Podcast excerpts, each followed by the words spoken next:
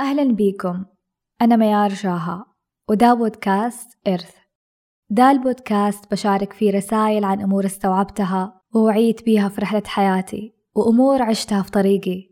رسائل ومحتوايا هي الإرث اللي أتمنى تكون موجودة عشان تفيد وتنور الناس في الحياة حتى لو انتهت حياتي في يوم من الأيام. ولهذا السبب سميته إرث لأني متأكدة إنه كلمة مني ممكن تكون رسالة نور ووعي لشخص ما في ذا العالم. وحلقة اليوم بعنوان كيف البيئة والصحبة بتأثر عليك. من أكثر الأشياء اللي تخوف لما الواحد يمشي بأفكار وبيعمل تصرفات أو يكون بشخصية هو مو واعي بيها أو يكون في مكان أو في بيئة ومع أشخاص هو مو مدرك بحجم تأثيرهم عليه. في أشياء جالسة تأثر عليك على عقليتك نفسيتك طريقة حياتك تصرفاتك وعلى أشياء كثيرة فيك. بس أنت يمكن مو منتبه لها. سواء كانت هذه الأشياء نوعية الكتب والمحتويات اللي تقرأها والمجالات اللي مهتم بيها الحسابات اللي تتابعها الناس اللي تسمع لها الأفلام والفيديوهات اللي بتتفرجها وغيرها. أوقات رح تكون في بيئة وبين أشخاص وصحبة أنت مبسوط وفخور إنك بينهم سواء كانوا في حياتك الواقعية أو على السوشيال ميديا. مبسوط لأنهم ناس جالسين يأثروا عليك تأثير إيجابي ويحفزوك تتغير للأفضل في جوانب مختلفة من حياتك وبيعززوا قيمك ومبادئك. فيكونوا ناس أو أشياء بيضيفوا لحياتك وبيساعدوك تنمو سواء على مستوى فكري ثقافي نفسي مادي إلى آخره. لدرجة أنت تلاحظ تأثيرهم الجيد عليك ويمكن كمان بعض الناس اللي حولك يلاحظوا إنك صرت شخص أفضل. فهذه البيئة اللي بالعكس الواحد يبغاها ويحاول يحيط نفسه بيهم لأنه كمان أوقات يكون الواحد في بيئة أو تكون بين أشخاص أنت ما ترضى إنك تكون بينهم. والبيئة هذه تأثر على قرارات أنت ما ترضى إنك تسويها أو تخليك تعيش في وضع أنت ما ترضى إنك تكمل فيه. تعرف لما تكون في مكان أو مع أشخاص وتقول لنفسك هذا مو أنا. أو حتى اللي حولك ممكن يلاحظوا هذا الشيء إنه هذا الشخص مو أنت. مو لأنك تغيرت عن نسختك القديمة وصرت بنسخة أفضل لا لأنك تغيرت لنسخة أسوأ. فلما تستوعب اللي بيصير معاك وتحس إنك في شيء ما يليق بيك دايما أرجع وذكر نفسك بنفسك الحقيقية بقيمك مبادئك أخلاقك تربيتك دينك وغيرها. في مقولة تقول عد لنقطة الأصل بعد كل أمر لا يليق بك. انتبه أن تستمر به ويصبح جزءا منك. لأنك لو ما ذكرت نفسك بالأشياء الصح يمكن هذه الغفلة تخليك تستمر في الشيء الغلط أو مع الناس الغلط ومع الوقت هذا الغلط يصير جزء منك. فانتبه على نفسك لأنه نحن رح نصير جزء من اللي حولنا. انتبه للبيئة للصحبة اللي بتمشي معاهم للأشياء للأفكار للأجواء المحيطة بيك. خصوصا لو كان شيء عكس دينك قيمك أخلاقك فهنا تراجع نفسك مية مرة. ومهما قلت مستحيل أتأثر وما رح أسمح لهم يأثروا علي ومن هذا الكلام. شئت أم أبيت حتتأثر بيهم وتاخذ شيء منهم. وأنا حابة أحكي لكم عن بعض التجارب اللي عشتها وصارت لي في هذا الموضوع.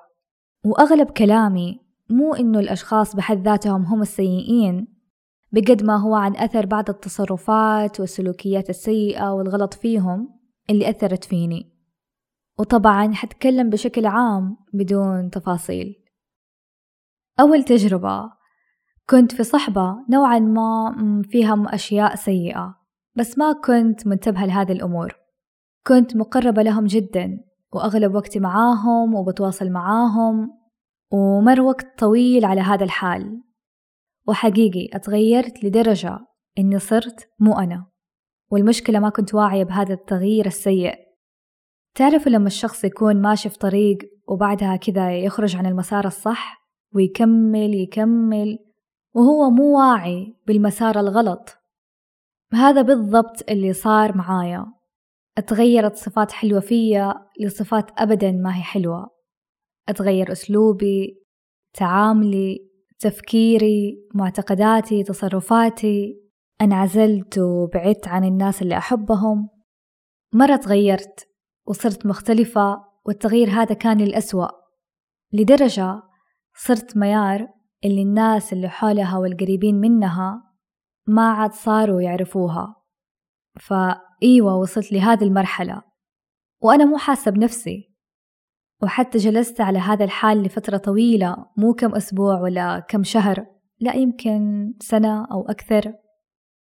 والمصيبة الأكبر إني كنت أشوف اللي أنا فيه هو الصح واللي بكمل عليه وما حد له دخل وما حد يغيرني وهكذا. كانت فعلا فترة أو سنة أسميها كذا فترة الظلام. وكمان بصراحة لأني كنت وقتها في سن المراهقة. فهذا كان له دور كبير في اللي وقعت فيه. وتعرفوا كيف التقلبات النفسية والفكرية والسلوكية وعدم الوعي والاتزان اللي فيها وكيف إنه هذا السن بسهولة الواحد يتأثر بالخارج لقلة نضجه وإلى آخره. ومتى وعيت وفكت على نفسي؟ لما قرروا القريبين مني ياخذوني كذا على جنب ويصارحوني بالموضوع اللي أبغاك في كلمة راس. وصاروا يقولوا لي ترى أنت تغيرتي وصرت كذا وكذا. نحن ملاحظين أشياء سيئة فيكي أنت ترى ما كنتي هذه الإنسانة. إيش اللي صار فيكي ليش صرت كذا؟ ليش صار تعاملك أو أسلوبك بهذه الطريقة؟ وهكذا. طبعا ما قالوا إنه والله فيكي أشياء سيئة كذا بالصريح. لا هم قالوا لي الأشياء اللي أنا عليها أو اللي هم شايفينها فيا بس هذه الأشياء سيئة. فحقيقي ما أنسى هذيك الفترة من حياتي كيف كنت عايشة في ظلمة وبعدها بفضل الله وبفضل وجود الناس هذه وكيف وقفوا معايا وحاولوا يساعدوني وينبهوني وكيف حتى أسلوبهم مو كان اللي بأسلوب منفر وبغضب وإنت غلط وإنت وإنت. لا بالعكس الحمد لله إنهم كانوا من أحسن الناس ومن أرقى التعامل والأسلوب والطريقة اللي نصحوني بيها. كان مليان حب وخوف في نفس الوقت وشفت هذا الشي في عيونهم يعني ما أنسى هذاك اليوم أبدا. وفعلا وقتها عرفت مقدار معزتي وحبهم لي وأدركت إنهم فعلا رزق من الله. وهم عارفين نفسهم إذا بيسمعوا هذه الحلقة الآن وحقول لهم إني عمري ما راح أفرط فيكم لو إيش ما صار. سنشد عضدك بأخيك. هذه الآية الكريمة اللي تذكرني بيكم وأشوفها فيكم. ويمكن كل اللي حتقولوه هو إنكم ما سويتوا شي غير إنكم كلمتوني وكذا. بس أنتم كلمتوني واحتويتوني وساعدتوني أرجع لميار إني أنتم تعرفوها وتحبوها. فالكل أحد بيسمعني. لما تشوفوا شخص بي بيسوي أشياء غلط أو في طريق غلط أول شي تأخذوه بعين الاعتبار. هو طريقة كلامكم ونصحكم للشخص. لأنه أسلوبكم يا رح يساعد الشخص في إنه يتقبل كلامكم ونصيحتكم ويتغير للأفضل أو رح يحفز الشخص هذا على إنه يعاند ويكابر ويكمل في الطريق الغلط حتى لو عارف إنه هذا غلط. فإذا كان الأسلوب منفر طبيعي الواحد ما رح يسمع. يعني هذه كلها أشياء تفرق ولها دور كبير. فالموضوع مو بس إني أنا إذا شفت غلط أو شخص بيسوي أشياء غلط أقول له الشيء الصح وخلاص. لا أنت سوي الشيء الصح بالطريقة الصح وحط نفسك مكان الشخص وشوف إيش الشيء اللي أنت تتمنى الواحد ينصحك بيها أو الطريقة اللي الواحد يكلمك بيها وتسويها للشخص اللي, اللي قدامك. ولا تعتقدوا إنه أنا من بداية الجلسة والحوارات اللي صارت بيننا على طول وعيت وقلت إيوه والله إنكم صادقين. لا ترى أنكرت وكابرت اللي أنا فيه وقلت لهم أنا طبيعي زي كذا وما فيني شيء متغير وجلست أحاول أبين إني أنا زي ما أنا وما فيني شي غلط. بس بعدها بيوم بيومين ثلاثة بعد ما هديت راجعت كلامي وكلامهم واللي صار واستوعبت لأنه ترى مو سهل إنك تبين وتوضح الشيء الصح لشخص هو في طريق غلط. فكمان هذه نصيحة ثانية إنه لما تشوف شخص في طريق غلط هو ممكن ينكر ممكن يكابر. فيعني بالراحة عليه. لأنه الشخص اللي قدامك إذا عاند ترى هو مو بيعاند عشان يبغى يعاند ويبغى يكسر كلمتك وي... ويتخانق معاك. لا يعني يمكن هذا الشخص حقيقي في في فترة أو مرحلة لسه يعني مو واعي بيها. في فترة كده من السواد والظلام مو شايف الأمور الحقيقية الأشياء اللي بتحصل في الواقع. يعني لسه يمكن هو في صدمة بيحاول يستوعب الأمور يجمع الأمور وهكذا. وتجربتي الثانية هو إني دخلت في مجال وكانت البيئة وبعض الناس اللي موجودين فيها فيهم صفات وأفعال ما هي حلوة وما هي كويسة. وقلت في نفسي أصلا ما راح أتأثر بيهم ما حكون زيهم لا مستحيل ومن هذا الكلام. في البداية سهل إنك تركز إنك ما تكون زيهم. لكن لما يعدي الوقت وتصير الفترة اللي بتقضي وقتك معاهم طويل ما راح تكون بنفس التركيز اللي كنت عليه في البداية. فأنا في البداية كنت يعني إني صاملة وأنا زي ما أنا. بس بعد ما عدت فترة حقيقي لاحظت إني قاعدة شوية شوية بصير زيهم وباخذ بعض من أطباعهم وصفاتهم وكلامهم اللي كنت أشوفها سيئة. والمشكلة لما للأسف توصل لمرحلة إنك تتعود على وضعك هذا. بس برضو رغم كذا قدرت أنتبه على نفسي وأوقف وأقول لنفسي إنه هذه مو معيار وبعض الأشياء اللي بسويها سيئة وأنا مو كذا. فإدراكي بهذا الشيء ولما الشخص يوصل لمرحلة يدرك هذا الشيء هذا بحد ذاته نعمة عظيمة. وخرجت من هذا الطريق لأنه شفت إني لو كملت فيه حصير زيهم. فهذه كانت تقريبا أكثر تجربتين عانيت فيهم من ناحية البيئة والصحبة ونوعية الناس وإلى آخره.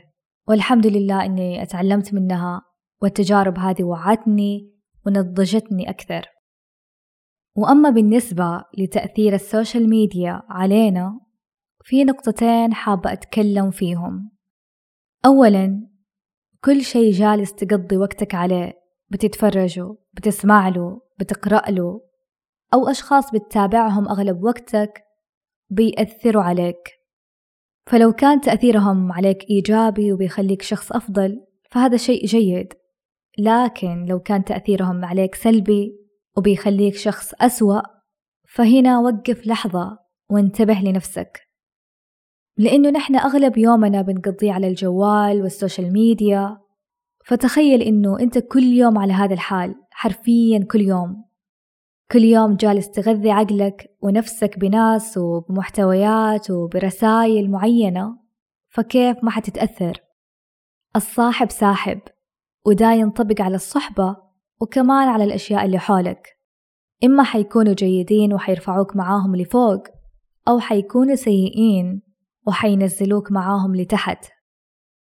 ثانيا في شيء مرة مهم الواحد يحاول يفعله في ذاته طول ما هو موجود على ال social media وهو فلترة المعلومات.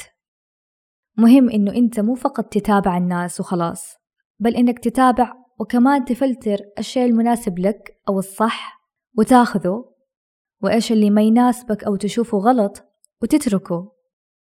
لأنه زي ما نحن عارفين إنه ال social media فيها ناس ومحتويات مختلفة من كل العالم.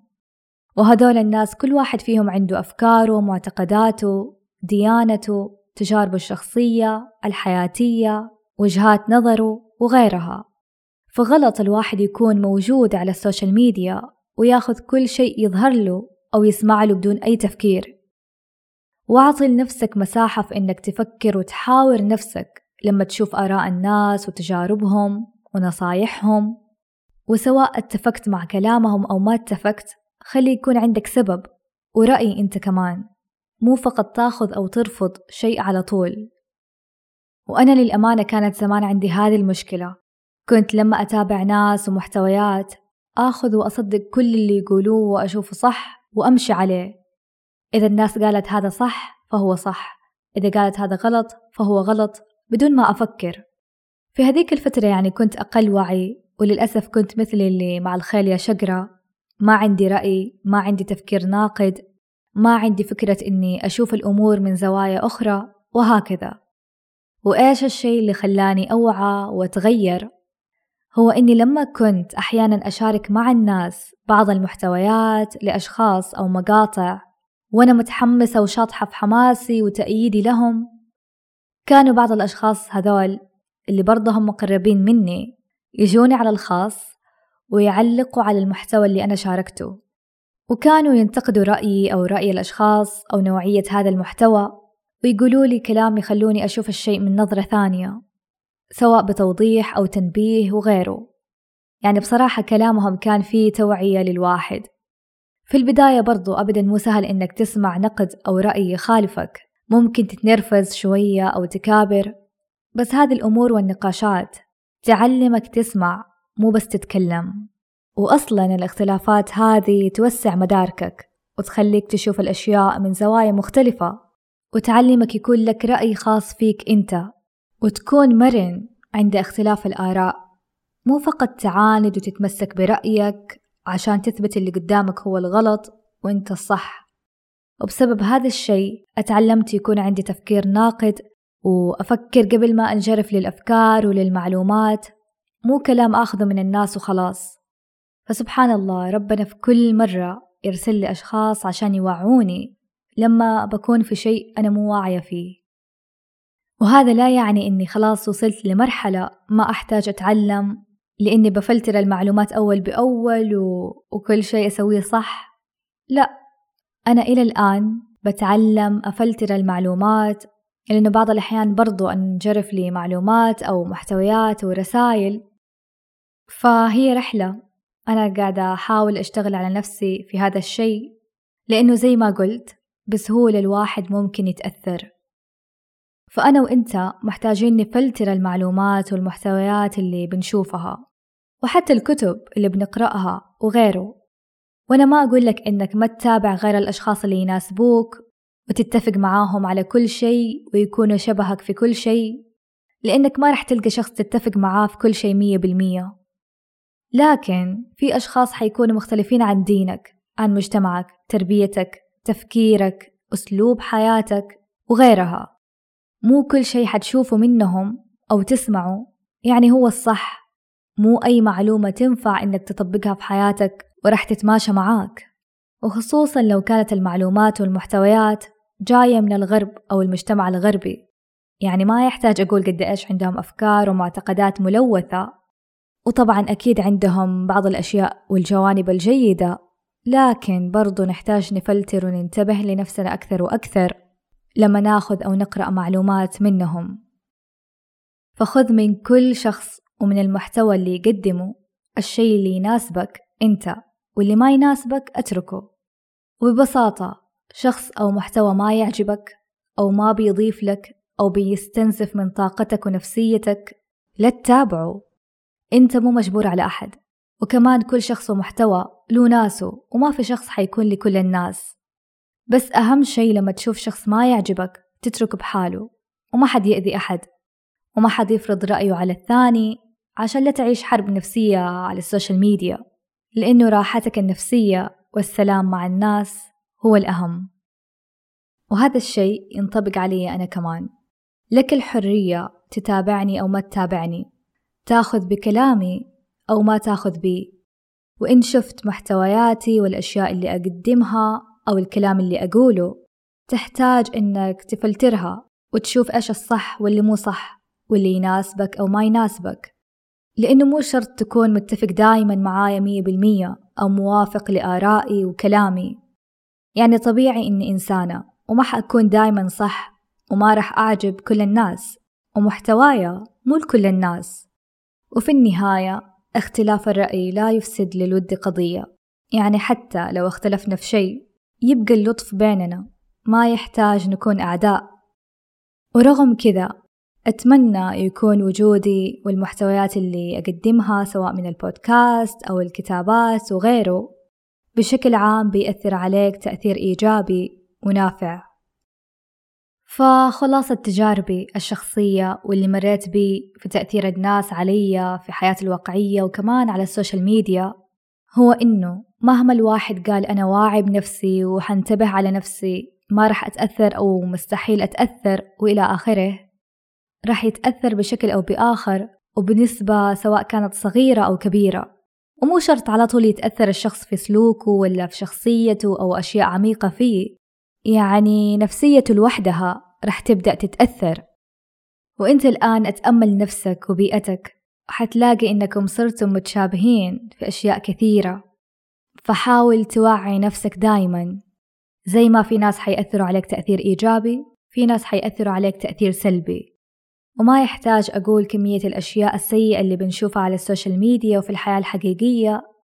في أشياء كثيرة غلط بتصير وبتنتشر وللأسف قد تكون مخالفة لديننا. وفي أشياء ثانية عميقة ومهمة من أفكار ملوثة وتصرفات مفسدة وغيرها. وصح إنه ما حد يقدر يوقف الأشياء السيئة ويخلي الدنيا كلها أشياء جيدة بس هذا حال الدنيا. يعني الفتن وأمور غيرها حتزيد مع الزمن. يحزن إنه أحيانا حتشوف الحرام والغلط هو اللي منتشر وفئة كبيرة من الناس تتغير للأسوأ. أو يعملوا الشيء السيء وهم مبسوطين. والمصيبة الأكبر إنهم يعملوه وما يشوفوه إنه ده شيء غلط أو شيء سيء. فيحزن الواحد على الحال اللي وصلنا له. بس الواحد ما بيده شيء غير إنه يدعي الله يحميه من هذه الأمور السيئة ومن البيئة السيئة.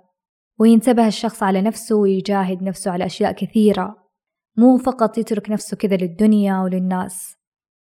ومو المقصد من كلامي إنه خلاص العالم والناس كلها سيئة وما فيها خير. لا الخير موجود والشر موجود. بس المقصد إنه جالسة أسلط الضوء على حجم التأثير السلبي عشان أنا وإنت نوعى وناخذ بالنا أكثر بهذا الجانب من الحياة. ومهما شفت أشخاص وأمور في هذا العالم مهم تعرف إنه الخطأ لما يسووه كل الناس ما يصير صح والحرام لما يسووه كل الناس ما يصير حلال.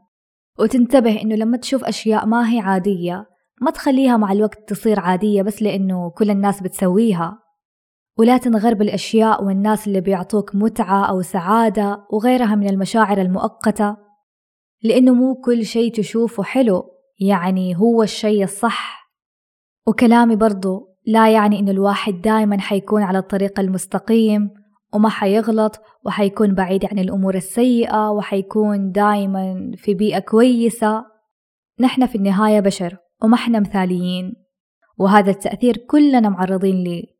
سواء أنا ولا أنت كنت صغير أو كبير أكيد رح تجينا أوقات ممكن نبعد عن الطريق الصح نختلط ونمشي مع ناس غلط نتأثر ونسوي أشياء سيئة ننجرف ورا أمور دنيا نذنب نقصر نغلط نطيح في صحبة سيئة. لكن الواحد حلو لما يكون واعي واعي بأنه سوى شي صح ولا شي غلط واعي بأنه حتى لو غلط ما يكمل في الغلط ويحاول يرجع للصح. واعي بأنه حتى لو تأثر بأمور سيئة يتعلم منها ويحاول يغيرها. هذا هو كل مقصدي إنه نكون واعين بنفسنا وبمحيطنا واعين بالتأثير الإيجابي والسلبي من اللي حولنا. ونتعلم نغير من نفسنا للأفضل حتى لو تأثرنا بشكل سلبي. وإن مرينا بتجارب سيئة ما نوقف حياتنا على هذه التجارب السيئة. بالعكس ننضج منها ونكمل. فلما توعى وتحس إنك في طريق غلط لا تكمل فيه. لو حسيت إنك مع ناس غلط ما يشبهوك لا تكمل معاهم. إذا حسيت إنك ما تنتمي لأشخاص أو لمكان لا تطول فيه. وفي مقولة تقول إن من يعرف قدر نفسه يعز عليه أن يمضي في سبل. لا ينتمي إليها. فمهم كمان إنك تكون عارف أنت مين وإيش قدرك ومكانتك عشان ما تطيح في أماكن ما ترضى إنك تكون فيها وما تمشي مع ناس ما ترضى إنك تكون بينهم.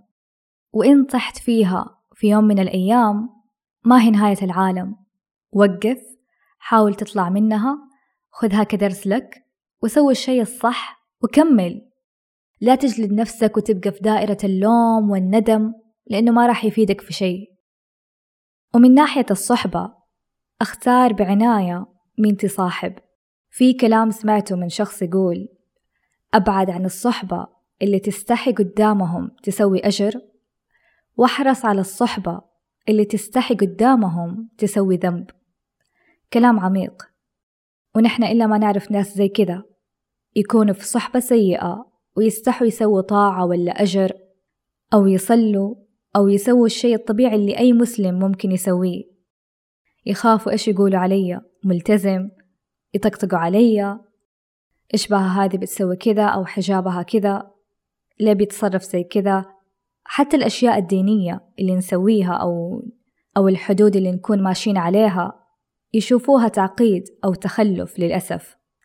ناس يعاونوك على الشر ولا الحرام وهنا يصفقوا لك لأنه شايفينه هذا الصح والفلة. وهذه البيئة من أسوأ البيئات فابعد نفسك عنهم.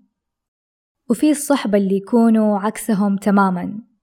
من كثر ما إنهم ناس جيدين وأسوياء وقلبهم نظيف يخلوك تخجل من نفسك إذا سويت شي سيء حتى بدون ما يكلموك. أنت من داخلك كذا تحس. واللي يعاونوك على الخير وعلى الطاعة وينصحوك بحب لما تنحرف عن الطريق الصح وتحس إنك بأمان وراحة لأنكم في الطريق الجيد. وهذه الصحبة والناس الحقيقية هم اللي حيقولوا لك الكلام اللي فعلا أنت تحتاجه ولمصلحتك. حتى لو كان صعب وممكن تتنرفز مو بس يقولوا لك الكلام السهل اللي أنت تحبه أو يسكتوا عن الصح ويخلوك تضيع عشان لا تزعل. هذه البيئة اللي الواحد يبحث عنها ويتمناها. فإذا لقيتها لا تفرط فيهم. وطبعا موضوع اختيار الصحبة لها جوانب ثانية غير اللي ذكرتها. ويمكن حتى البعض يقول دحين هل الواحد يعني حيسوي طاعة ولا ما حيسوي ذنب عشان الناس؟ فين خوفه ومراقبة الله وغيرها. بس أنا ما بتطرق لهذا الشيء من هذا الجانب لأنه حيطول شرحه. والخلاصة إنه في ناس حقيقي زي كذا وممكن نشوف هذه الفئة فعلا في حياتنا. فحبيت بس أحكي عن الصحبة من هذا الجانب بأبسط شيء لأنه جانب يمكن مو الكثير واعي بيه أو منتبه له. فرسالتي لك من القلب. نوعية الأشياء والأشخاص اللي بتتابعهم والبيئة اللي بتحيط نفسك بيهم راح يأثروا عليك مهما قلت إنك ما راح تتأثر ومع الوقت بتصير وبتتغير لشيء يشبههم. فاحرص إنك تحيط نفسك بأشياء تنمي عقليتك وتطورك في جوانب مختلفة وبأشخاص يغيروك للأفضل وفعلا يضيفوا قيمة لك ولحياتك. وحاول تحيط نفسك بصحبة صالحة وحقيقية يحبوك يخافوا عليك ويكونوا فعلا سند ودعم لك وينصحوك لما تكون في الطريق الغلط مو بس يصفقولك لما تكون في الطريق الصح. واحرص إنك ما تكون إمعة وتمشي مع الناس بدون أي تفكير. وذكر نفسك دايما بالأشياء الصح وإنك تحتاج تفلتر الأشياء اللي تشوفها قبل ما تأخذها وتمشي بيها. ولا تتخلى عن دينك قيمك أخلاقك أصلك بسهولة. مهما شفت أمور في هذه الدنيا وكنت مع صحبة أو في علاقات تعطيك متعة مؤقتة لأن الدنيا ترى ما تستاهل إنك تبيع الطريق الصح عشان تروح للطريق الغلط.